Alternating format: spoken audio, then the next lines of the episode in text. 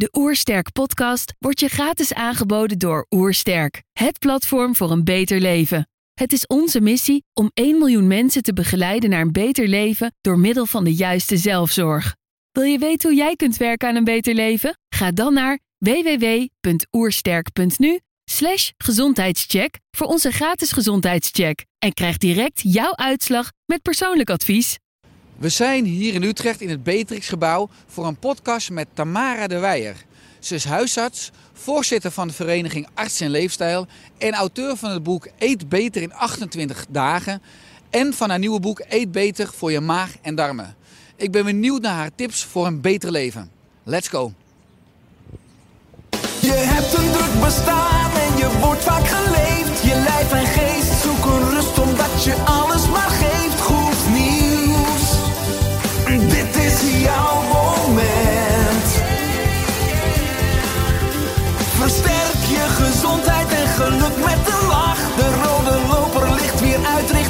stralende dag. Je voelt je oersterk met Richard de.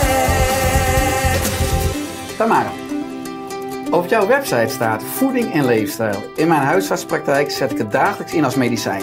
En met effect, veel mensen voelen zich gezonder, energieker en slanker. Vaak al na een paar weken. En een groeiende stroom wetenschappelijk onderzoek bewijst wat ik zie in de praktijk. Mijn missie is Nederland gezonder te maken en jou te inspireren. Doe met me mee en eet beter. Waarom is dat je missie? Ja.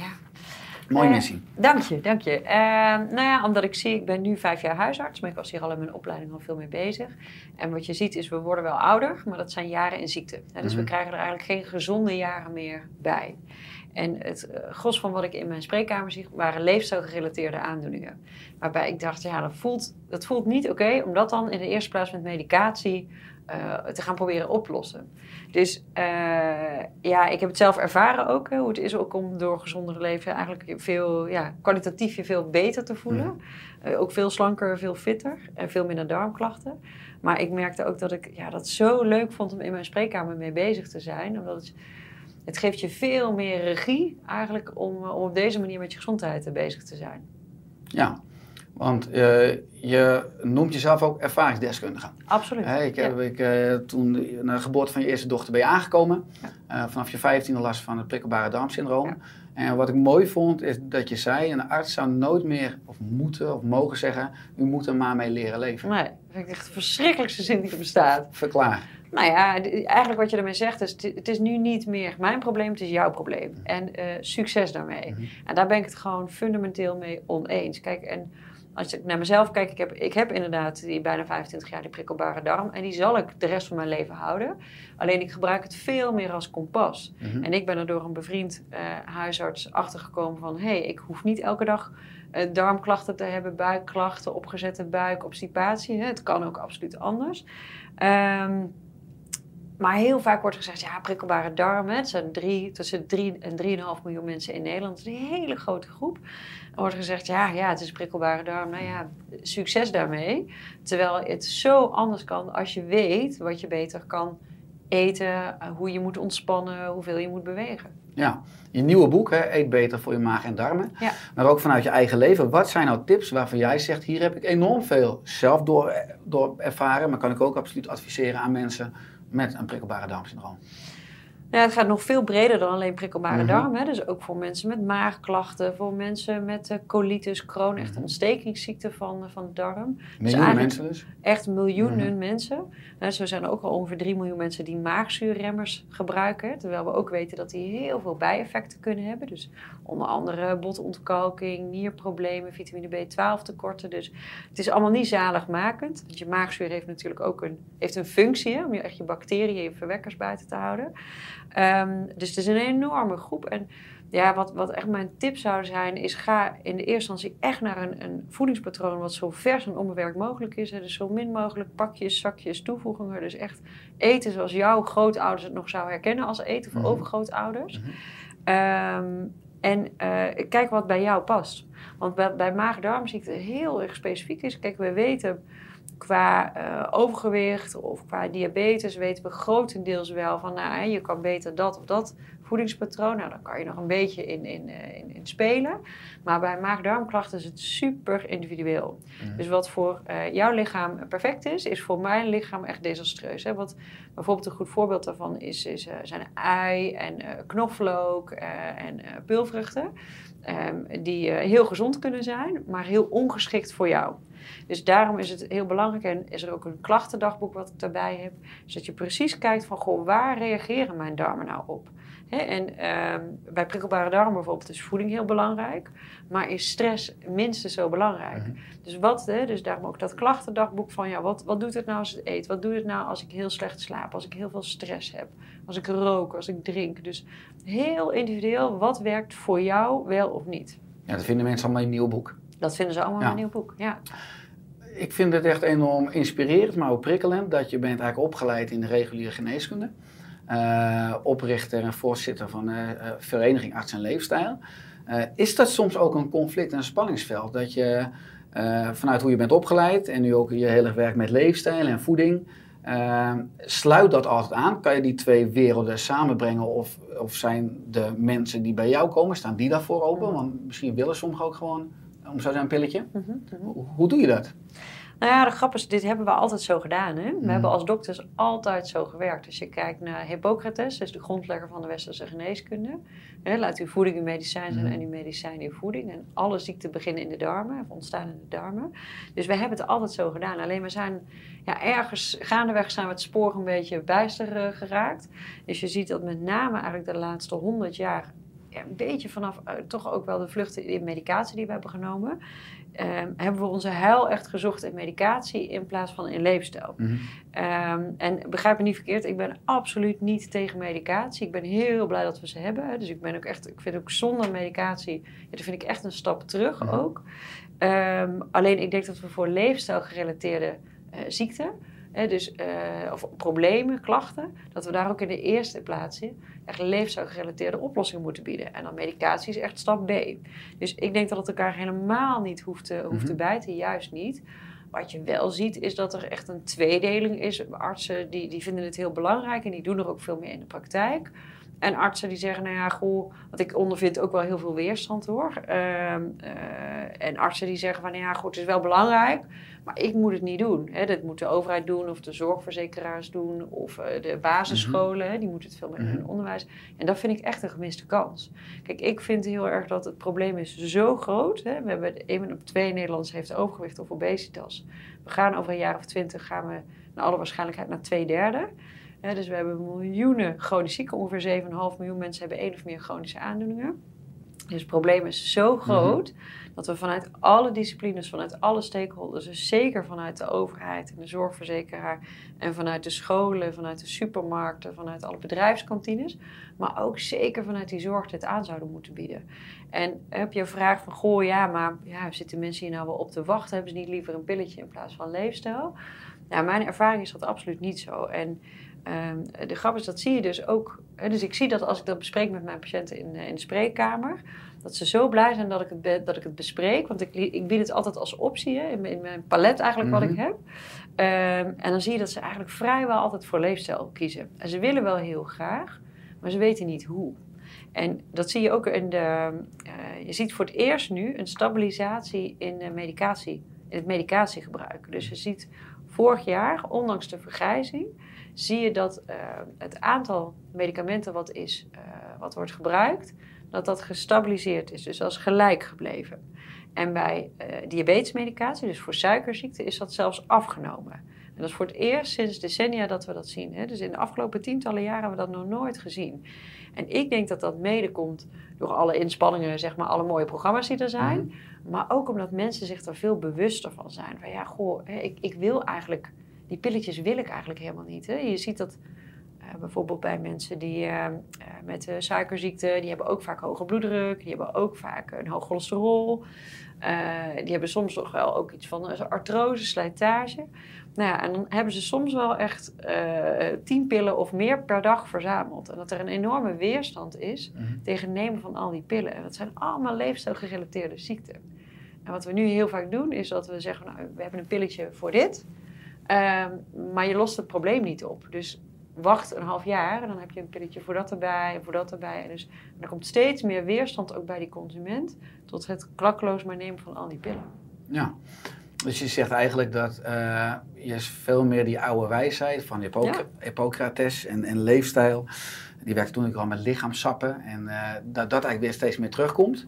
Eh, ik vind het ook zo mooi dat je, je doel is om, om artsen of aankomende artsen ook te informeren en aan te zetten eigenlijk om bij de behandeling, maar ook vooral het voorkomen van ziekte, preventie, eh, gebruik te maken van een gezonde leefstijl. Ja, nou, toen ik de geneeskundeopleiding deed, was dat minimaal het aanbod. Eh, stu- eh, er is nu ook wel een stichting eh, st- Studentenleefstijl. Ja.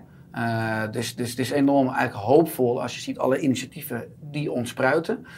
Vaak duren dat soort veranderingen wel misschien 15, 20 à 30 jaar. Is natuurlijk, er moet soms ook een generatie overheen gaan. Eh, zie je en voel je dat ook al om je heen? Aan de ene kant vind ik het prikkelend. Enerzijds eh, s- heel veel mensen die begroeten je met open armen. En anderzijds vind ik ook prikkelend om te horen van vaar je misschien veel weerstand. Hoe, hoe, hoe eh, komen beide kanten terug in, jouw in jouw leven? Nou, ik ben heel hoopvol. Mm. Ik denk echt wat je zegt nu. Hè, het is, er zijn zoveel initiatieven en je ziet dat de, de urgentie, dus de belangrijkheid, zeg maar, die, die neemt toe. Dus mensen zien in van, hé, hey, zoals het nu gaat, dat gaat eigenlijk niet. Dus de zorgkosten die reizen de pan uit. Hè, dus steeds meer mensen hebben een chronische ziekte. En je ziet de burn-out cijfers zijn nog, en, en depressiecijfers zijn nog nooit zo hoog geweest. Dus en we vallen massaal om ook. eh, dus we worden, we worden zieker, we Mhm. worden zwakker, we kosten meer geld. Dus ja, al die dingen bij elkaar. We zien allemaal, dit is een onhoudbare situatie. Eh, dus dat is een beetje een doemscenario. hè? Mhm. Dus, ehm, maar wat het fijne is aan zo'n eh, urgentie, dus dat, dat we allemaal zien van hé, dit gaat niet, is dat er dan ineens ook de creatieve oplossingen komen. Dus bijvoorbeeld de gecombineerde leefstijlinterventie.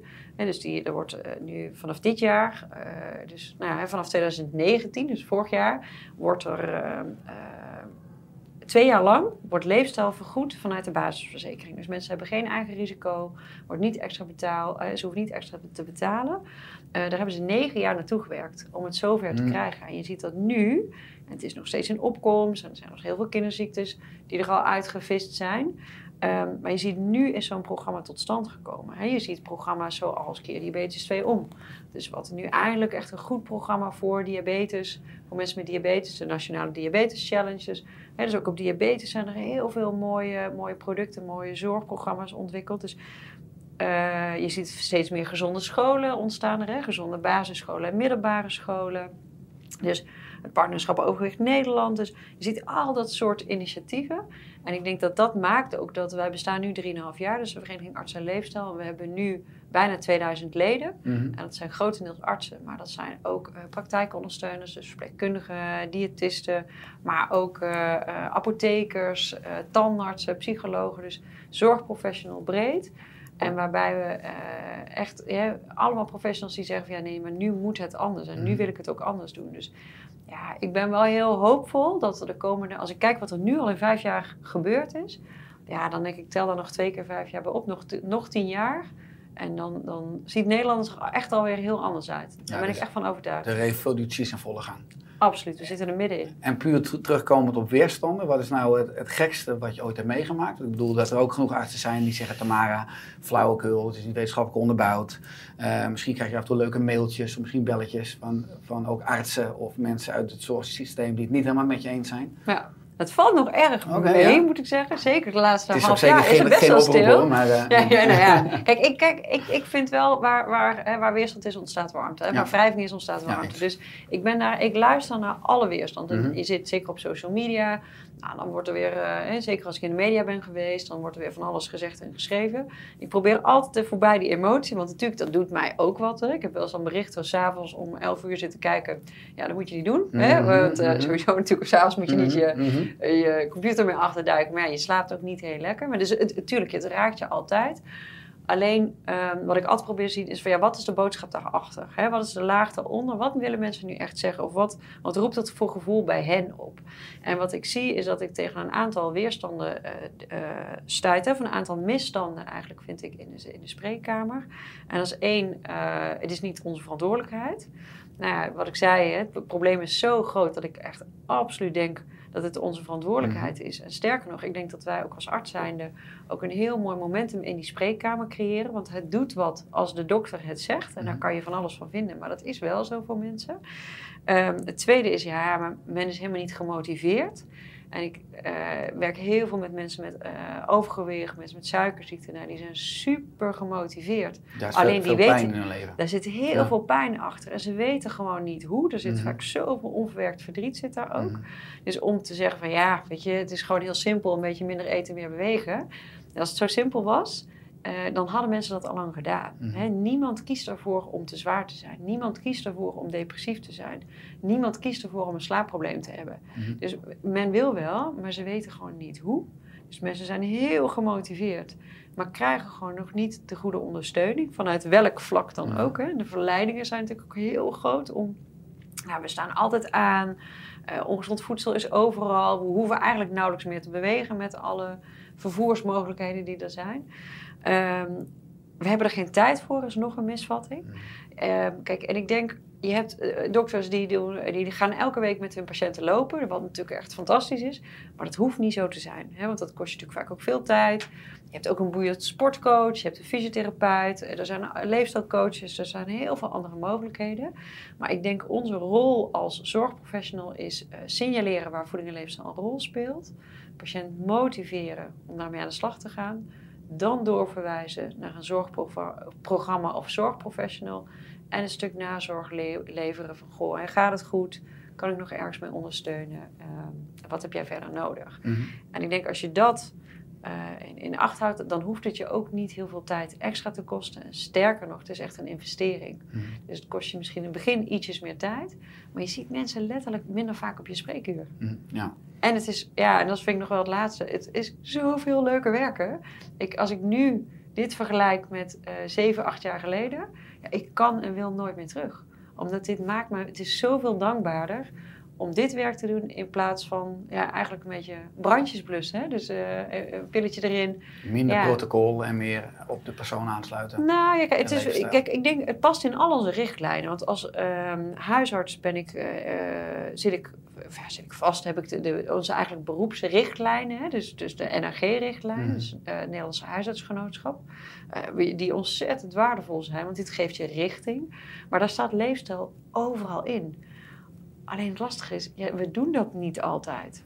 En ik denk dat dat is iets, eh, ja, juist werk volgens die richtlijnen. Maar zie ook eh, hoeveel mogelijkheden daar, daar zijn. Hè? Dus bijvoorbeeld bij de NRG weer, er is een leefstijlmodule ehm, van 72 pagina's. staat zoveel waardevolle informatie staat erin. Alleen we moeten dat wel weten eh, in ons gesprek te gebruiken. Mhm.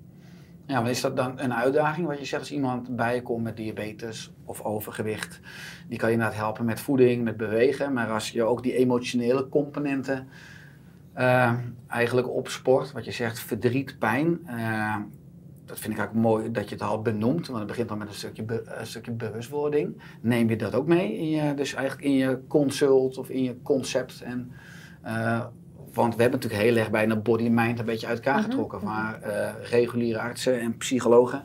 Maar eigenlijk is body-mind natuurlijk één flexibel ge- geheel als het ware. Wat Absoluut. natuurlijk in elkaar overloopt. Ja, nee, helemaal, helemaal eens. Kijk, en ik denk dat het. Het nou, het heeft voor mij ook heel erg met een stuk zingeving te maken. Dus wa- wat vind jij? Ik vind ook helemaal niks vaags of spiritueels. Maar dat is eigenlijk van, goh, wat, is, wat en wie zijn voor jou belangrijk? Waar jij sta je 's ochtends voor op? Hè? Wat, waar krijg jij nou heel veel energie van? En wat kost je heel veel Mhm. energie? En ik denk dat dat is, ehm, naast wat mensen mee hebben gemaakt... eh, denk ik dat dat vormt jou als persoon. En we komen er steeds meer achter dat dat ook natuurlijk heel veel... ehm, de basis is van, van heel veel ziekten. Net zoals het microbioom. Mhm. En dus je darmflora is ook, ja, Hippoc- Hippocrates zei het al, hè, dus alle ziekten beginnen in de darmen. Dat samen, die, die darm-breinas, die heeft, dat heeft zoveel met elkaar te maken. En ik denk dat waar het eerst nog heel erg werd gezien als heel erg complementair en heel vaag, en, eh, hoe, eh, wordt dat gelukkig ook wel steeds meer als regulier gezien. En terecht vind ik, want ik vind het volstrekt reguliere geneeskunde zoals die altijd is, is geweest. Ehm, en ik maak ook in mijn spreekuur ook heel veel eh, gebruik van eh, het eh, model van het Instituut voor Positieve Gezondheid, hè, van Machtel Huber. Mhm. Omdat je ziet als een heel ander gespreksmodel. En dat gaat heel erg erover van, goh, wat vind jij belangrijk? Waar zou jij aan willen werken? En wat wij heel erg ehm, doen, heel erg mee hebben gekregen, is eigenlijk vanuit die hele paternalistische rol. Hè, van goh, ik zal wel eens vanuit de dokter vertellen wat belangrijk voor u is. En dit is wat u zou moeten doen. Maar ja, wat jij vindt wat misschien belangrijk is, is misschien helemaal niet de vraag achter de vraag. Dat is Mhm. helemaal niet wat, wat Mhm. jij misschien belangrijk Mhm. vindt. Dus ik ben. Die patiënt is eigenaarschap van zijn of haar gezondheid. In, in al zijn facetten. Mhm. En, en gezondheid is ook veel meer dan de afwezigheid van ziekte, zoals we die eerst zagen. Dat is veel meer wel, ja, wat, wat is voor jou belangrijk? En, dat is ook een stuk eh, huisvesting. En dat is eh, sociale context. Hè? Dat is eenzaamheid. En in hoeverre voel jij je gezien? Ja. In hoeverre voel jij je echt gehoord? En doe je dat toe? Of heb je het gevoel dat je dat toe doet? En ja, ik denk als je dat niet helder hebt, ja, dan kan je een prachtig voedingslijstje maken. Of zeggen, nou, je moet wel eh, drie keer per week eh, moet je wel eh, gaan sporten. Maar op het moment dat iemand hartstikke eenzaam is of enorme schuldvraagstukken heeft, ja, dan ga je er met je lijstje niet komen. En dit vind ik echt het domein ook van, van leefstijlcoaches. En daarom ben ik ook zo blij dat die ook geïmplementeerd zijn, ook in de gecombineerde leefstijlinterventie. En dan zou ik echt altijd, hè, want je hebt er ook gewoon een beroepsvereniging voor. Het is geen Mhm. beschermde titel, dus de BLCN, dus de Beroepsvereniging voor Leefstijlcoaches Nederland. Dus kijk altijd gewoon iemand, weet je, hebben ze een gedegen opleiding. Hè, en je bent zelf natuurlijk ook met opleidingen bezig. Kijk gewoon echt wel dat mensen, ja, zoek naar een soort kwaliteitskeurmerk. Want ja, leefstijladvisering, ieder- iedereen doet wat. En eh, kijk wel wie je voor je Ja. hebt. En ik denk als je echt gewoon iemand die, die vol, dus leefstijl in, in de brede zin van het woord. ehm, ja, dat is gewoon ontzettend waardevol. En dan denk ik dus ook, ja, goh, ik kan als arts zijnde het, het, het aanzetje maken. Maar verwijs altijd door naar iemand die veel meer ja, Mhm. ook tijd heeft en kennis en achtergrond. Ja. Ja, maar uiteindelijk is het natuurlijk prikkelend dat de maatschappij, kan je zeggen, ons steeds de verkeerde kant op trekt. Hè? Met al het eten en al het comfort en ook alle Ja, prikkels, ja. onder andere van schermpjes. Eh, ik heb je mogen, mogen interviewen toen eh, in mijn boek Oerstuk in zes weken. En daarin zeg je ook, aan de ene kant zou het mooi zijn als we weer een beetje wat leren van de Chinese dorpsdokters. Die uiteindelijk betaald werden voor de dagen dat patiënten of mensen niet ziek waren. Hè? De- eh, in hoeverre is dat realistisch? Ja, ja. Nou, ik weet dat ik hem gezegd heb. En ik, ik vind ik- nog steeds. ik nee, er ik- van, en, hè, en dus ik, ben, ik ben daar nog steeds. Nou, ik vind dat wij als, als, als zorgprofessionals. wij moeten beloond worden voor eh, gezondheid. Dus wij Mhm. moeten beloond worden, financieel ook. ehm, om onze populatie zo gezond mogelijk te houden. Maar wat we nu natuurlijk erg doen, is, is ziekenzorg. Hè? Dus wij, ja, eigenlijk hoe, hoe vaker jij, hoe zieker jij bent. Ehm, eh, hoe vaker jij op mijn spreker komt, hoe meer geld ik voor jou krijg. En dat is een hele gekke prikkel. En dat is eigenlijk een prikkel waar je natuurlijk, die wil je Mhm. helemaal niet. Hè? En, ehm, dus in die zin ben ik het er nog steeds mee eens. Ik denk wel in deze maatschappij, ja, om nou echt financieel gekort te worden voor mensen die ziek worden, ja, dat, dat is gewoon niet meer haalbaar. Maar ik, ik droom nog steeds wel echt van een beloningssysteem, wat wel veel meer gebaseerd is op die Chinese dorpsdokters. En je ziet ook in omringende landen, bijvoorbeeld in Duitsland, wordt daar ja, ook wel eh, wordt ermee geëxperimenteerd. Hè. We zijn ook met het Zorginstituut in Nederland aan het kijken, van, goh, zou zoiets ook voor Nederland Mhm. haalbaar zijn? Waarbij je eigenlijk een soort abonnementsgeld krijgt, gewoon echt een zak met geld. Ja, en wat je vervolgens voor het geld doet, dat is aan jou. Hè? En dat moet je goed monitoren, dat goed, je, moet je goed meten. Maar dat je eigenlijk meer echt een soort abonnementsvorm bijna krijgt. Ja, en dan is die natuurlijk veel interessanter om in te zetten op gezondheid. Want dan maken mensen natuurlijk ook minder gebruik op een gegeven moment natuurlijk van je diensten. Ja. Ehm, ja, ik denk, je ziet op eh, de, de zorgkosten eh, hè, zijn, enorm, staan enorm onder druk. Elk jaar komen er weer miljarden. Is het, eh, het budget wat we ervoor hebben gemaakt, daar komen elk jaar weer een paar miljard bovenop. Dus Mhm. we, we redden het nooit. Mhm. elk jaar is het weer slechter dan we hadden begroot. Mhm. Dus we gaan eh, naar een verdubbeling in, in 2040 waarschijnlijk. Ehm, dus dit, iedereen ziet, dit is een onhoudbare situatie. Het is een doodlopende weg. Het is echt een doodlopende weg. En als je ziet het onderdeel wat gaat naar preventie, ook binnen de overheid, dat is 0,5 eh, procent van het hele budget voor de zorg. Dus 0,5 procent. Ja, dat- dat kan niet. Als je kijkt, de, de tweede lijn, dus de ziekenhuizen, de GGZ, die slokken een heel groot deel van het budget, slokken die op.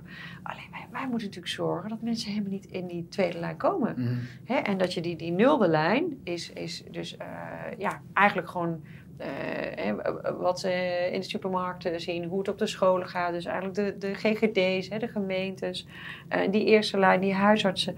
Ehm, daar zitten relatief gezien veel Mhm. minder kosten in. En als je dat nou veel groter maakt en je zorgt dat het gros van de mensen gewoon helemaal niet in die tweede lijn of bij de GGZ terechtkomen. Want die staan ook volledig op spanning. En je ziet dat ook binnen de GGZ. De wachttijd is wel ongeveer drie, vier maanden. Nou, Bij sommige hè? specialismen in de ziekenhuis Ja. is de wachttijd twee tot drie maanden. Ja. Dus ook de ziekenhuizen en de GGZ-instellingen, hè, dus de psychiatrie, die kunnen de druk ook niet aan. Dus we moeten zorgen dat eigenlijk ja, al die, die, die, eh, die mensen daar gewoon helemaal niet komen. Dat is een, een uitdaging die we met z'n allen hebben eigenlijk, Enorm, eh, als, ja. als systeem. Eh, daarom is het extra uitdagend, ik kan me ook voor voorstellen, ook voor jou om je eigen balans te houden. hè. Je, je, je bent ambitieus, Ja. je bent moeder, partner, je schrijft een boek, hè, Eet beter in 28 dagen, dat wordt een bestseller. Je bent echt je late night ineens re- re- Ja. regelmatig toen aan tafel. Eh, met andere woorden, de hele wereld wil wat van je, trekt aan je. Is het dan uitdagend? Absoluut. Om ook uiteindelijk weer tot de essentie, tot jezelf terug te komen? Absoluut, absoluut. Nee, ja, kijk, eh, wat je zei, ik ben inderdaad eh, moeder van twee prachtige dochters van eh, acht en zes. En eh, getrouwd met echt de leukste man van de wereld al. nu elf jaar zijn we samen. Ja. Ehm, en ja, je, ik heb vriendinnen natuurlijk, een familie. Dus ja, je merkt wel, de afgelopen vijf jaar ben ik echt een beetje geleefd ook. En je ziet, eh, ja, het is enorm opgepikt en dat is natuurlijk prachtig. Hè? Dus het onderwerp leeft ook enorm. Dus nu het tweede boek en over een aantal maanden komt het derde boek eh, ook uit. Dus echt een, een handleiding voor zorgprofessionals. Van hoe doe je dit nou in de praktijk? Dus een handboek uh, leefstijlgeneeskunde hebben we gemaakt. Ehm, en dat is natuurlijk fantastisch. Maar dat Mhm. vergt natuurlijk ook al gewoon wat van mij. En dat maakt ook dat ik ook privé ook andere keuzes heb gemaakt. En dat ik... Kijk, ik vind, eh, ik ben soms een beetje zo'n enthousiaste jonge hond. Ik vind echt alles eh super leuk en ik vind, eh, ik ja, ben best wel creatief. Dus ik, ik zie ook dingen waarvan ik denk, oh, dat kan volgens mij anders. En alleen, ja, het probleem is dat ik dan overal ja op zeg en niet zo goed nee kan zeggen. Mhm. Hè? En ja, dat heb ik wel de afgelopen jaren wel wat meer geleerd, omdat ik merk ook, ja, ook vanuit het privé. Dus allebei mijn ouders zijn ook overleden en dat heeft wel gemaakt dat ik ehm, heel goed ook met, met mijn gezin kijk. van, Ja, wat is nou echt belangrijk? Dus dat zijn ook weer die zingevingsvraagstukken. Ehm, en ik vind, ja, ik heb echt de gaafste baan van de hele wereld, vind ik zelf. Mhm. Voor mij is dit de gaafste baan van de wereld. Maar hij blijft werk. En als ik zorg, als ik heel goed zorg voor, voor iedereen in Nederland. En ik ben heel hard bezig met mensen gezond maken. Maar ik zorg niet voor mezelf. En ik ben er niet voor mijn gezin. Ja, dan uiteindelijk, ik word daar geen gelukkiger mens van. Dus dat maakt ook dat ik ook, eh, ja, zowel privé als in werk daar heel erg ja, kijk, hoe kan ik alles integreren? En dat maakt ook dat ik, eh, waar ik eerst echt weg, werkweken van 60 tot 80 uur maakte, hè, en ook s'avonds en in het weekend. En ik was hier altijd mee bezig, omdat ik zat zo in zo'n bubbel. En dat ik dacht, ja, nee, dit moet gebeuren. Dat ik nu denk van ja, nee, echt, mijn gezin staat op één. En, en mijn werk komt daarachter. Hoe gaaf ik het ook vind en hoe belangrijk ik het ook vind. Maar ik zal altijd, als die keuze er is, zal ik altijd voor mijn gezin kiezen. En maar hoe ziet een gemiddelde werkdag voor jou eruit? Heel wisselend. Ja, een gemiddelde werkdag heb ik eigenlijk echt niet. Gemiddeld niet. Je bent elke keer een nee, afwijking. eh, het is altijd anders. Ja. Dus, eh, en soms werk ik in de praktijk, gewoon als waarnemend huisarts. Dus ik heb ook heel bewust ook geen eigen praktijk. Mhm. Die wens was er wel altijd. Maar ja, daar, in eigen praktijk zit je drie tot vier dagen per week. Ja. Zit je daar vast in, ja, dan zou ik heel veel andere dingen niet kunnen. Dus heel bewust heb ik ervoor gekozen om echt als waarnemend huisarts eh, aan de slag te gaan. Ehm, ja, ik geef heel veel lezingen. eh, en zowel voor zorgprofessionals als voor consumenten. Nou, ik ben eh, anderhalve dag, twee dagen per week ben ik voorzitter dus van, van de vereniging. Ehm, dus ja, en dan heb ik heel veel contacten met van VWS tot zorgverzekeraars tot opleidingen, hè, dus geneeskundeopleidingen. We zijn strategisch natuurlijk ook veel eh, bezig. Daar geef ik veel lezingen ook voor. Ehm, ja, dus dat is eigenlijk werkgerelateerd. Ja, en boeken natuurlijk. Dus die Mhm. boeken, ja, dat had ik ook nooit verwacht. Maar Mhm. daar eh, vind ik ook heel veel... eh Komt straks je derde boek aan. het derde boek Ja. aan. Dus, ehm, Denk je ook af en toe, wat ik af en toe heb als ik dan weer boeken heb geschreven, dan zeg ik, ik ben er helemaal klaar mee. Nooit meer. Ja. Want voor deadlines ik altijd af en toe s'nachts door moet. En toch een paar maanden later gaat het nog soms weer Ja, kriebelen. Dat, nou, eh, De grap is, ik had eh, laatst had ik eh, dus degene die, waar ik dus inderdaad mijn derde boek mee aan het maken ben, had ik aan de telefoon. En dus we hadden het weer over het boek. Ik zei, oh, weet je, het voelt voor mij, en ja, het voelt voor mij echt een beetje als een bevalling. mhm. Dat je echt op het moment, je zit tegen die deadlines aan en je zeg maar, je perst dat boek eruit en denkt, oh, ik ben er helemaal klaar. Maar op het moment zeg maar dat het er is en je ziet je kindje, dan ja, je bent die pijn ook wel weer een beetje vergeten. En eh, dan ga je soms toch gewoon weer vol enthousiasme ga je gewoon weer in je nieuwe boek. Het is dan wel waard geweest. Dan. Het is echt waard geweest. Dus richting een deadline van een boek, dan denk je echt, oh, weet je, waar ben ik aan begonnen? Dus ik leer daar elke keer weer van. En doordat ik nu dus weet van, nou oké, richting zo'n deadline moet ik niet alles vol plempen mhm. met, uh, eh, met mijn verenigingswerk, met heel veel lezingen, met waarneemwerk. Die, die deadline die moet ik ook een beetje open houden voor mezelf. Uh, want anders, ja, dan, dan kiep je gewoon om. Mhm. En op een gegeven moment, je, je slaapt gewoon. Ik sliep heel slecht en ik had heel veel stress. En ik sportte eigenlijk helemaal niet meer. Omdat ik dacht, ja, daar heb ik geen tijd voor en dat kost me tijd. En nu, ja, nu zie ik weer, ja, dat, dat, dat levert me echt gewoon heel veel tijd op. En hè, door, door juist weer te sporten en door weer naar buiten te gaan, uh, slaap ik weer beter. Heb ik gewoon weer veel minder stress. Heb ik, ik zie het overzicht mhm. ook veel beter. Mm Dus slaap er een nachtje over. Nou, dat, dat werkt ook echt zo. Dus ja, dus dat, dat maakt dat ik nu ook wel weer echt super lekker in mijn vel zit. En ja, het is ook practice what you preach, vind ik. En ik kan tegen de hele, hele, wereld zeggen van... nou, je moet wel echt eh, beter eten en uh, gezonder uh, leven, veel meer slapen. Maar ja, als ik zelf vervolgens echt de wallen heb tot hier en grauw... En, en, enorm veel stress heb, dan denk ik... ja, wie ben ik om tegen jou te vertellen van... nou, het is wel echt heel belangrijk dat je, dat je minder stress hebt of beter eet. Dan ga ik knagen dan, als dat... Als nou, ja, dat voelt, gewoon niet, dat voelt gewoon niet oprecht. En... Dus nee, dus daar ben ik zelf ook. En dat blijft ook altijd een. Uh, dat blijft een, een ja, ongoing iets. Hè? Dus ik bedoel, het is niet zo dat ik nou zeg, nou, ik heb een fantastische leefstijl. En uh, nou, dat is het. Dus dat gaat met vallen en opstaan. En daarin, uh, ja, denk ik ook dat dat maakt me elke keer weer bewuster en sterker ook. Het is in die zin natuurlijk ook een levenslang proces. Het is, het is geen eindpunt. En is er dan ook voor jou uitdagend, wat ik zelf ook soms heb, is dat je, zeker als er in de media dingen spelen, ik bedoel, je kan je, je agenda soms gewoon kaderen met eindtijden, maar misschien heb jij ook dat je, als er in de media omtrent voeding en leefstijl, of uh, nou, er zijn een paar keer per jaar is er wel ophef over een, een documentaire, of over een krantartikel, of over... Uh, ben je dan ook verplicht of, uh, of voel je dan een intrinsieke motivatie om dan ook van, misschien als media jou mm. benaderen om ook antwoord te geven? Of wat dan weer natuurlijk een extra uur is, of misschien af en toe in studio's? Ik ben veel selectiever. Mhm. Dus ik zeg waar ik eerst eigenlijk bijna overal ja op zei, ben ik nu veel selectiever. In uh, de zin van, goh, wij, uh, wat draagt echt bij? Wat draagt bij aan mijn missie?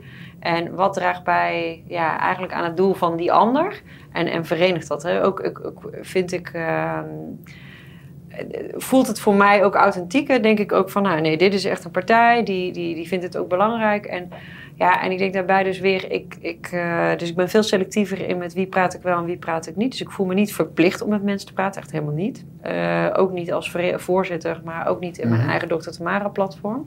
Ben je dus vrij? Ik ben heel vrij uh, daarin.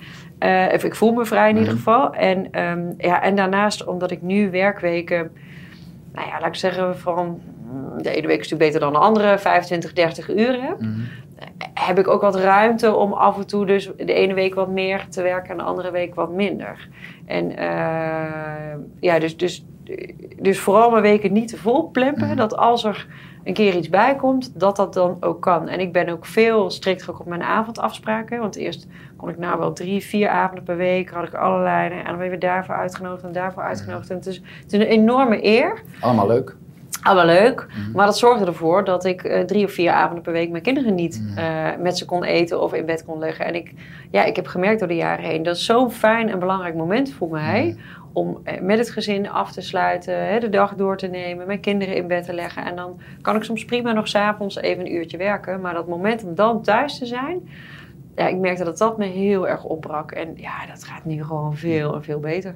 Hm, dus je bent eigenlijk op alle vlakken een vrije vogel. Dus, dus ja, zo voelt dat wel, ja. En dat is echt zo lekker. Rijk, ja. rijkdom. Ja, ja uh, enorm. Ja. Als je leefstijl uh, plat slaat, hè, je hebt natuurlijk een uh, pijler vooral qua eten, hè, waar je ook in ieder geval twee boeken over hebt. Ja. je nieuwe boek ook Eet Beter voor je maag en darmen.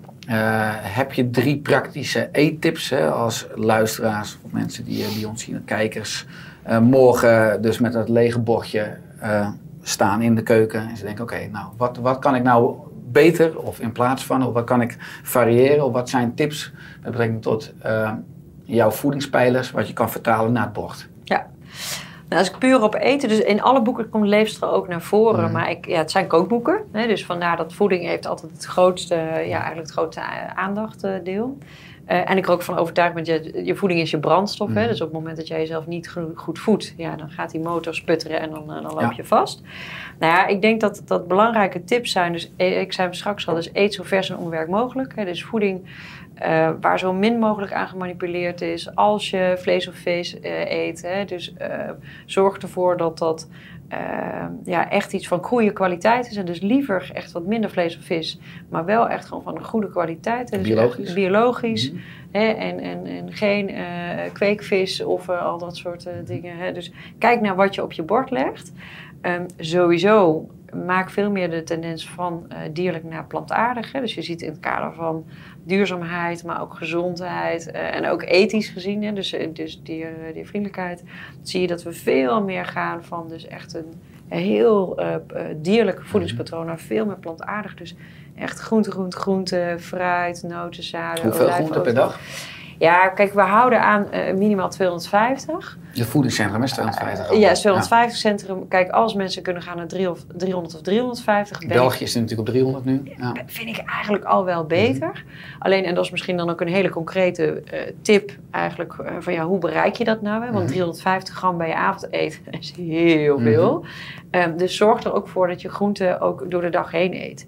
Kijk, je kan natuurlijk prima hè, in je salade, in een soep, eh, in een groente-omelet. Natuurlijk prima ook bij je lunch eh, ook eh, groente eten. Hè? Als je kijkt, zeven cherry tomaatjes gewoon bij je, boterham, je of wat dan ook. zijn er 100 gram groente. Hè? Dus een paprika is ongeveer 150 gram. Mhm. Een hele paprika. Dus zorg ervoor dat je groenten niet alleen bij de avondmaaltijd eet. Maar zorg ervoor dat je die echt bij de maaltijd of eventueel... Ik ben wel een voorstander van drie volwaardige maaltijden per dag. Eh, zodat je tussendoor je energie niet uit je suikerverbranding, maar uit je vetverbranding Mhm. haalt. Eh, maar als je dan iets van een tussendoortje, zorg dat dat altijd iets van groente is.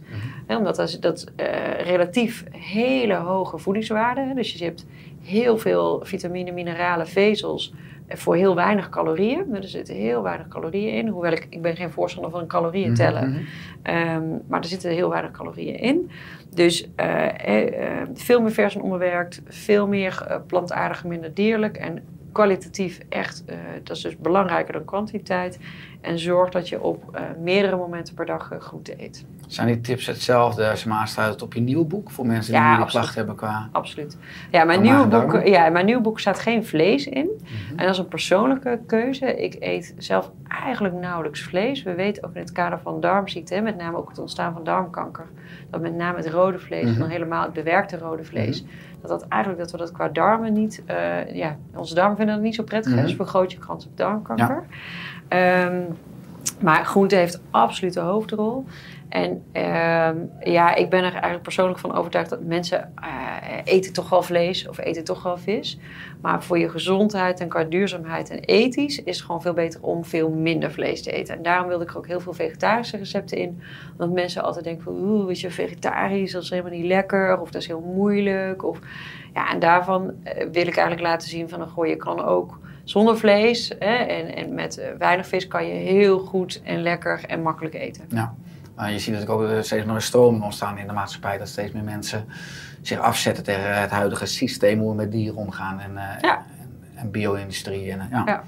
Eh, dus, dat is ook een, dus die duurzaamheid, dat aspect komt er ook wel in terug. Nou ja, kijk, we zitten natuurlijk midden in eh, de hele klimaat, hè, weet je, Mhm. de opwarming van de aarde en alle klimaatdoelstellingen. En waarin de meeste mensen er echt wel van overtuigd zijn van ja, nee, dat- is gewoon echt wel aan de, aan de, aan de gang. En daar, daar, ik geloof daar ook heel erg in. Mhm. Ook, überhaupt kijk maar eens gewoon om je heen. Hè. Mhm. En ik denk, ja, ehm, een meer, een, een, grotere stap van duurzaamheid naar plantaardig. En ik denk, ik geloof echt niet dat we allemaal vegetarisch of veganist hoeven worden. Dat hoeft absoluut Mhm. niet. Maar ik denk wel, als we een stap zouden maken van meer eh, dierlijk naar meer plantaardig, dat dat ook wel qua duurzaamheid los nog dus van Mhm. gezondheid en ethisch gezien, dat we daar een enorme stap in zouden kunnen Ja. maken. Je Absoluut. hebt twee dochters, ik heb twee zoons. Hoe mooi Ja. zou het zijn als we die aarde vitaler kunnen doorgeven. Ja, en we moeten ook daar, kijk, we moeten, het heeft heel veel parallellen. Hè? Dus we, zijn, we zien qua gezondheid, we worden gewoon steeds zwaarder en zieker. Mhm. En die aarde wordt, wordt steeds zieker. Mhm. Dus die parallellen, ja, wij hebben nu, en daarom ben ik ook, ik ben ook nog ambassadeur van de stichting eh, Dat Lust Ik Wel. En die zet zich heel erg in voor voedselonderwijs voor, voor kinderen, voor basisschoolkinderen. Ehm, en daar ben ik dus ook ambassadeur van geworden, omdat ik denk, ja, gewoon, dat zijn onderkinderen, dat zijn de burgers van de toekomst.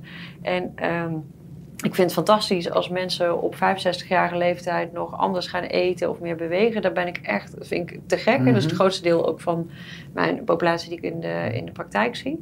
Maar hoe mooi zou het zijn als onze eh, kinderen op, op school, hè, dat, dat die allemaal een moestuin zouden hebben. En Mhm. dat die allemaal snappen hoe een paprika groeit of Mhm. hoe spruitjes groeien. Hè? Mhm. Ik ben eh, ambassadeur groente en fruit. Ik kwam er twee jaar geleden achter hoe spruitjes Dat is een groeien. mooie stok. Ja, nou ja, ik schaamde me dood. Mhm. Ik dacht, ik had, ik had geen idee. Mhm. En laat staan wat je ermee kan doen. Hè? Ja. Bij spruitjes hebben we altijd natuurlijk nou, die helemaal kapot gekookte. Mhm. Nou, daar kan je zoveel lekkere dingen mee. Maar hoe mooi zou het zijn als onze kinderen ook veel meer krijgen van... ja, wat is mindfulness nou precies? Hè? Mhm. Hoe ga je nou om met die schermen? Mhm. Hoeveel stress, hoe weerbaar ben je nou eigenlijk? Wat is nou eigenlijk belangrijk? En we zitten nu toch veel op prestatie, prestatie, prestatie. Hè? Dus zo hoog mogelijke CITO-scores. En nou is prestatie natuurlijk ook belangrijk. Kijk, het is belangrijk dat onze kinderen weten hoe ze moeten leren. Mhm. En ehm, hè, hoe ze moeten Mhm. spellen en, en grammatica en, en, en rekenen. Eh, maar ook, ehm, ja, ook daarbij, de, de, de kinderen met burn-out worden steeds jonger. Dus het is helemaal onder studenten is al een heel veel voorkomend fenomeen. En dan denk ik, pff, weet je, dat, dat is iets natuurlijk, de moderne maatschappij vraagt zoveel van ons. En ja, dat vind ik dus, dus ik vind het veel breder ook dan Mhm. alleen eten.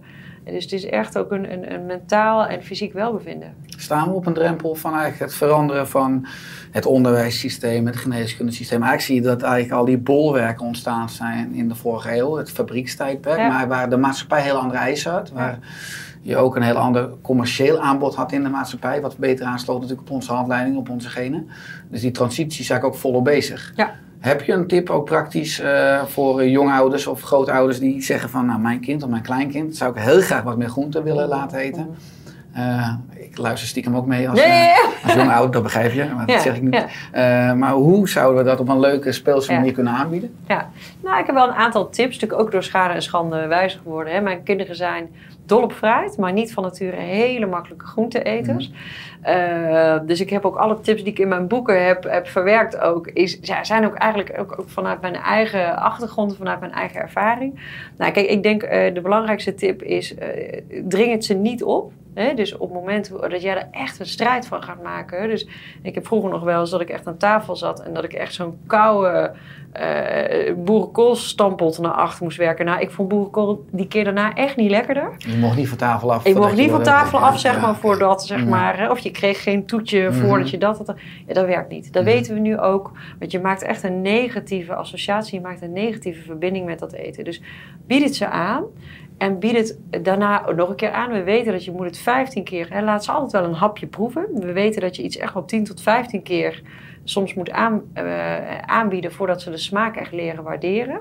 Hè, dus zeg niet bij de eerste keer... oh, ze lusten het niet. Nou, oké, dan bied ik het maar niet meer aan. Dus Mhm. laat ze altijd één of twee hapjes proeven... maar ze hoeven niet een hele bord op te eten. Ehm, wat ik zelf vaak doe, is dat ik ook op groente een beetje verstop. Dus ik zie, wij eten heel vaak eten we pasta, dus volkoren pasta met eh, rode saus die ik dan zelf maak. Ja, ik weet dat op het moment dat ik er hele grote stukken tomaat en paprika en, en ui in stop, ja, dan, dan eh, is dat een enorme weerstand gewoon Mhm. voor mijn kinderen. Dus ik maak dat vaak gewoon heel klein, heel fijn. Dus dan krijg je echt gewoon een goede smeuige saus. En die gaat er eh, prima in. Ehm, ik verstop het heel vaak bijvoorbeeld in, eh, ik maak zelf vaak uh, boekwijdpannenkoeken. Mhm. Ehm, ja, daar, kan, daar zijn bijvoorbeeld pompoen of courgette super geschikt voor om die daarin te verwerken. Dus je hebt echt een pannenkoekje. En die zijn vaak wat zoeter van smaak. Ehm, dus waar, want de kinderen houden toch wel erg van zoet. Maar waarbij je heel veel extra groenten, soepen zijn ook eigenlijk zo'n mooi voorbeeld. Dus vaak echt tomaten lusten ze niet. Maar een Mhm. tomatensoep, die je natuurlijk echt heel makkelijk zelf kan maken, die gaat er gewoon heel makkelijk in. Dus bied het ze gewoon aan. Oh ja, nog een laatste tip. ik kan zo nog wel even doorgaan, maar we hebben natuurlijk een beperkte Ja, tijd. kwaliteit. Ehm, is wat ik heel vaak wat ik merk aan het einde van de dag, hè, als, als we richting eh, avondeten gaan, hebben ze vaak gewoon trek. Geef ze dan een bakje met groenten. Mm. Dus snij eh, eh, komkommer bijvoorbeeld in frietjes of wortels in frietjes en geef ze gewoon een bakje groente. Weet je, die kinderen hebben razend honger, die eten alles. Nou, dan hebben ze er vaak toch al 100, soms al 150 gram, hebben ze gewoon al, al voor het avondeten hebben ze er al op zitten. Ja, ik kan me ook voorstellen dat het veel leuker wordt als je met je kind de moestuin ingaat of samen spruitjes oogst. Ja. Om het dan ook samen in de keuken klaar te gaan Als je maken. het zelf ziet, weet Ja, je, ziet groeien en, en ze hebben het zelf bereid. Of oké, ga met je kinderen Ja. koken. Betrek ze daar gewoon in. En we zijn toch vaak ook de, ja, daar... eh, en dan, ook daar maak ik mezelf schuldig aan. Hè? Dat ik, nou, joh, weet je, ik doe het zelf wel even, dat gaat veel sneller. Ja. Maar op het moment dat ze het zelf hebben gemaakt, laat staan ze het zelf hebben verbouwd, Ja. ja, dan wordt het veel leuker. Dat worteltje smaakt veel lekkerder. Ja, maar mooi hoe we uiteindelijk denk ik als maatschappij daar een verantwoordelijkheid hebben. Ja. Dat echte preventie al in, eh, in de basis start. En eh, het is ook mijn missie dat we eigenlijk veel meer kennis over voeding en leefstijl gaan delen op basisscholen. Maar gelukkig is, is, zijn die initiatieven ook aan het ontspruiten. Ja, ja. Als we spruitjes hebben. Ja, ja, ja, ja. ja. Eh, Ja. wat, is, wat is je missie voor aankomende jaar, drie jaar, vijf jaar? In hoeverre heb je een plan? Nou ja, kijk, mijn missie, mijn overal missie is Nederland gezonder maken. En dat doe ik natuurlijk via twee paden. Dus enerzijds via de zorgprofessionals als voorzitter ervan. En dat ben ik ook nog al van plan om Alle Nederlanders, blijven. 16,5 heb je eh, enkele miljoen al opgegeven. Ik wel, ik richt me op 1 miljoen. Maar, Ja, eh, nee, nou ja, kijk, wij, wij hebben nu, eh, als je kijkt waar eh, vereniging, zeggen we gewoon in 2025 willen we dat de helft van de zorgprofessionals echt ook leefstijl volledig omarmt in, in de spreekkamer. Ik heb niet zo'n duidelijk, zeg maar, getal, eh, want het is natuurlijk, het is natuurlijk minder meetbaar natuurlijk wat maar we wel over doen, vijf jaar al, 2025 dus. 2025, Ja, ja. professionals, ja. ja. En, eh, en ik, nou, ik denk ook, als je ziet hoe hard het gaat. Ik had vijf jaar geleden nooit kunnen bedenken dat ik hier nu zo zou staan. Dat ik inderdaad gewoon al een bestseller had. En eh, ja, wie weet misschien straks wel een tweede. Je, Mhm. je, je weet gewoon niet hoe dingen lopen. Dus Mhm. daarom, ik ben ook nooit zo van de hele lange termijn planning. Want ja, je, je weet nooit wat het, wat het leven je Mhm. brengt. Wat ik wel merk is dat er zo'n enorme positieve flow is. Dat ik denk dat we over vijf jaar, ja, is, is dit echt nog veel breder geaccepteerd en ook veel beter in de praktijk eh, gebracht. Dus zou het wel goed zo kunnen zijn, we hebben nu zo'n 1,2 miljoen mensen hebben diabetes type 2, dat het er dan maar een miljoen zijn. Hmm. En dan is het maar een miljoen. Mm. Maar als je bedenkt dat er elk jaar 50 tot Bijkomen, 60.000 bijkomen, Ja. Is een afname van de mensen met, met bijvoorbeeld diabetes, hè, de suikerziekte, Ja. is al een enorme winst. We hebben dus een kentering letterlijk Echt. Dan zijn we kentering, weer op de terugweg. absoluut. Ja. Ehm, mogelijk heb je missie ook eh, raakvlakken met je dromen. Als je dan uh, groots mag dromen, waar, eh, sta je dan, waar, waar sta je dan over vijf jaar? Nou ja, ik denk dat... eh, ben je dan nog in ons mooie kleine landje het Nederland? Of ben je dan, ben ik al, dan woon ik op Ibiza. of, ah, eh, of in een Grieks nou, eiland. Vind ik ook, lijkt me ook heerlijk. Kijk, ik snap al die mensen wel die richting pensioen gaan. En Mhm. ik ben echt wel van de, van de lente van de zomer. Dus op zich, zeg maar, zo overwinteren, zeg maar, ergens in een warm land vind ik nooit heel erg. Want ik heb natuurlijk eh, jonge kinderen. Ehm, nee, ja, wat ik wel hoop, en dat is ook, ook ja, je hebt natuurlijk een enorme fanbase, heb je, dus dat is ook eigenlijk een beetje een oproep, is dat mensen ook, ehm, ook een beetje eigenwijs durven zijn tegen hun dokter. Mhm. En dat ze dus ook veel meer de regie over hun eigen gezondheid nemen. En dat ze ook zeggen van ja, goh, u zegt het nou wel zo tegen mij, maar wat kan ik nou doen? Dus ik hoop ook dat, waar ik heel erg op aanstuur, ook met, met, met mijn netwerk, is dat ik zeg, goh, durf ook een beetje brutaal te zijn. Durf ook te gaan staan voor je eigen gezondheid. En durf daarin dus soms ook tegen wat weerstand. Hè? Want soms loop je ook daar tegen weerstand in. Maar ehm, ik denk dat je kan er een beetje over stoeien van, nou, goh, eh, we weten echt wel een beetje wat leefstijl inhoudt. Hè? We Mhm. weten echt wel, je kan je nog een beetje stoeien over meer of minder koolhydraten of meer of minder plantaardig of Mhm. dierlijk. Maar ik denk de basis, veel meer vers onbewerkt, veel meer groente, fruit, nou, zaden, zeg maar, nou, dat weten we wel. Ehm, en qua slaap en ontspanning en zo weten we het eigenlijk ook wel. Maar ik hoop dat dat nog veel meer in de mensen echt doordrongen is. En dat, dat ze daar ook hulp voor durven te vragen. En dat dus die, die bewustwording daar gewoon veel groter in is. Ja, mooi. Je zou kunnen zeggen, zwart-wit is er ook een tweedeling in de groep huisarts. Er is een huisartsgroep die enorm open staat voor eh, voeding en leefstijl, die het al integreert, die zich ook verdiept en er is ook eigenlijk een onderbouwde mening over kan hebben. En er is ook een, laat ik zo wat, een groep huisartsen, ik wou zeggen wat oudere hu- huisartsen, maar het is niet per se iets te maken met, zijn, le- hè? met Ja, ja, leeftijd, ja. dus dat, dat pas ik weer gelijk aan. Maar komen mensen bij de huisarts en die zeggen ik wil wat, eh, ik wil die medicijnen in eerste instantie niet, ik wil een maandje wat proberen met voeding of leefstijl en die huisarts zegt flauwekul, werkt niet, niet wetenschappelijk onderbouwd. Eh, wat ik ook regelmatig terug hoor. Hoe zou je dan... Nee, ik denk dat het een uitstervend ras is ja? hoor. Ja, dat denk ik echt. Als ik kijk het verschil nu al met vijf jaar geleden, denk ik wel dat die huisarts die er zo in Mhm. staat, dat, ja, dat, dat, is, dat is bijna niet meer van deze tijd. Hè. Dus je ziet wel echt dat leefstijl veel meer wordt, eh, wordt omarmd. Dus ik denk dat we daar over vijf jaar al wel zijn hoor. Dat er al veel meer Maar dokters... zou je dan naar een andere huisarts toe kunnen gaan als je eigen huisarts er niet voor open staat of niet met je wil Ja, samenwerken? daar ben je altijd vrij in. Alleen, ja, je kan dan zeggen, nou, ik trek de deur dicht, ik ga naar een ander. Mhm. Of je kan het ook jouw persoonlijke missie maken. Mhm. Door ze te verwijzen naar eh, arts en leefstijl. eh, of naar jouw website of, of andere Mhm. informatie. Dus je mag je, je mag je dokter ook wel een beetje opvoeden. En zeggen van, nou ja, goh, eh, ik heb dit daar en daar gelezen. dit zou ik gewoon graag willen doen. Want het gaat nog altijd, het is jouw lichaam. Het is jouw leven. Hè? Mhm. Dus jij bent, jij hebt de regie over jouw eigen gezondheid. Dus ja, je, je kan dan weglopen naar een andere dokter. En je Mhm. kan ook... Kijk, ik ben ooit begonnen omdat één patiënt met diabetes... dus daar hield ik ook mijn hele pillenriedeltje. En die zei tegen mij, ja, maar dat wil ik eigenlijk niet. Hè? Ik zou zelf graag wat willen afvallen. Kan je me daar niet bij Mhm. helpen? En eh, ja, toen dacht ik van, hé, hey, oké, dit is interessant. Eh, ja, dit heeft voor mij eh, gewerkt. Hè? Ik keek Mhm. in mijn richtlijnen. Nou, oké, prima. En eh, dus door die ene patiënt Mhm. ben ik op dit spoor gekomen. Mhm. Dus jij kan die ene patiënt of consument of burger zijn... die jouw dokter op een ander spoor brengt. Hè? Dus Ja. heb je zelf een goede ervaring? Heb je een vraag? Ja, daag je dokter maar een beetje uit. En dat mag wat mij betreft veel breder zijn dan alleen de huisarts. Doe dat juist, maar ook bij je cardioloog... en bij je internist en bij je maag-darm-leverarts. Dus dat je kietel ze maar een beetje. En nooit vanuit echt een provocatie. Dus nooit echt zeggen, nou dit is eh, zeg maar wat u moet doen. Dus ik geloof ook niet dat je iets moet doen. Mhm. Maar je kan ze wel uitnodigen om op een andere manier ernaar te kijken. Het is natuurlijk ook een vorm van hormesis. Acute stress geven aan je huisarts of specialist, dat wat ook weer tot groei kan leiden. Maar Absoluut. is het uitdagend voor een huisarts? Ik kan me voorstellen dat een huisarts was natuurlijk, als je kijkt naar 50 jaar geleden, hè, autoriteit. Eh, daar luister je altijd naar. eh, je, je plaatst je er altijd onder. Hè, eh, eh, het gaf misschien ook altijd eh, rust dat de antwoorden buiten je lagen bij de huisarts. Ja. Nu hebben, de- hebben huisartsen te maken met natuurlijk een, eh, een nieuwe stroming. Men- en mensen hebben dokter Koekel, mensen Ja. zijn mondiger, mensen die accepteren niet zomaar iets. Die willen misschien per definitie al met degene naar huis gaan, of het nou een doorverwijzing is tot. is dat ook een, een, een uitdaging voor de huidige generatie huisartsen? Of is dat een stressor? Of is het... Ja, ik, voor sommigen kan het een stressor zijn. Ja, ik hou er altijd wel van. Ik vind ook gewoon die, die autonomie die, die mensen veel meer terugnemen. Hè? Dus die regie over hun eigen leven. Ja, dat vind ik ja, en terecht. Weet je, jij, bent, eh, jij kent jouw eigen leven het beste. En ik denk dat wij als, als dokters veel meer ook een, eh, een coachende houding zouden moeten hebben. Waarbij je veel meer naast je patiënt in plaats van boven je patiënt staat. Maar wel vanuit je autoriteit. Kijk, je hebt een negen, als huisarts zijn heb je een negenjarige opleiding gehad. Dus je weet echt wel wat. Mhm. Eh, hè, dus wel vanuit je autoriteit, maar wel heel erg kijken van, goh, wat heb jij, eh, wat heb jij nodig? En nou, je ziet dat, eh, en er zijn ook bijvoorbeeld Hans-Peter Jong, er zijn ook wel eh, huisartsen. Die zit in Noord-Limburg, zit die, Mhm.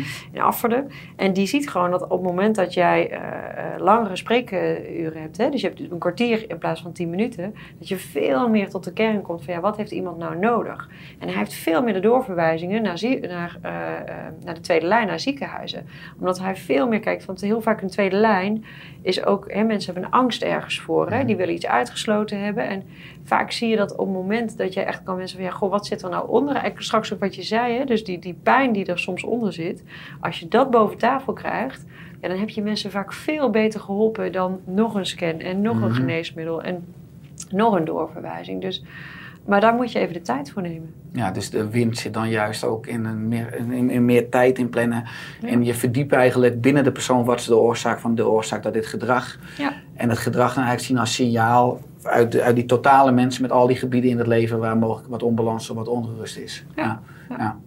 Ehm, heb je nog een specifieke boodschap eh, voor eh, luisteraars of mensen die eh, hiernaar kijken? Ja, Eh, met betrekking tot, nou je hebt net een nieuw boek uit, maar met betrekking tot eh, jouw concept en jouw, jouw missie. eh, of specifieke iets wat nog ontbrak in de afgelopen uur.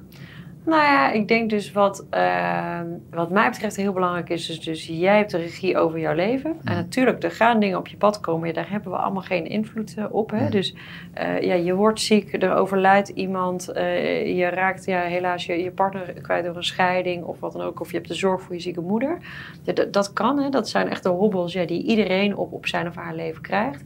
Alleen ik denk voor je gezondheid, dus zowel mentaal als fysiek, ehm, heb je heel veel zelf wel in de hand. En Mhm. je hebt, eh, dus er kan heel veel. Dus op het moment dat je een leefstijlgerelateerde aandoening of klachten hebt, hè, dus bijvoorbeeld maag-darmklachten, maar ook astma, eczeem, migraine, eh, hoge bloeddruk, eh, hoog cholesterol, suikerziekte, kanker ook.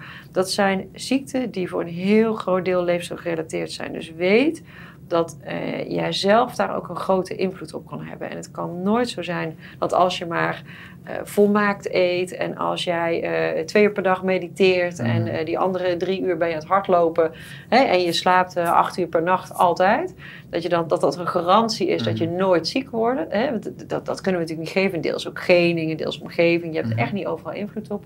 Maar besef je hoeveel invloed je wel kan hebben. En ik denk dat dat wel heel erg belangrijk is om te beseffen.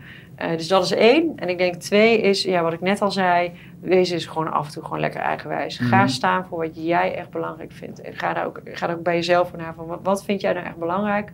Ja, en als die dokter iets anders zegt, ja, eh, durft de dokter daar dan ook mee te confronteren? Van ja, goh, dit voelt voor mij gewoon niet prettig. Hè? Dus deze medicatie wil ik eigenlijk niet nemen of dat pad wil ik eigenlijk niet op. Mhm. Dus jij kan die dokter ook wat leren. Ja, absoluut.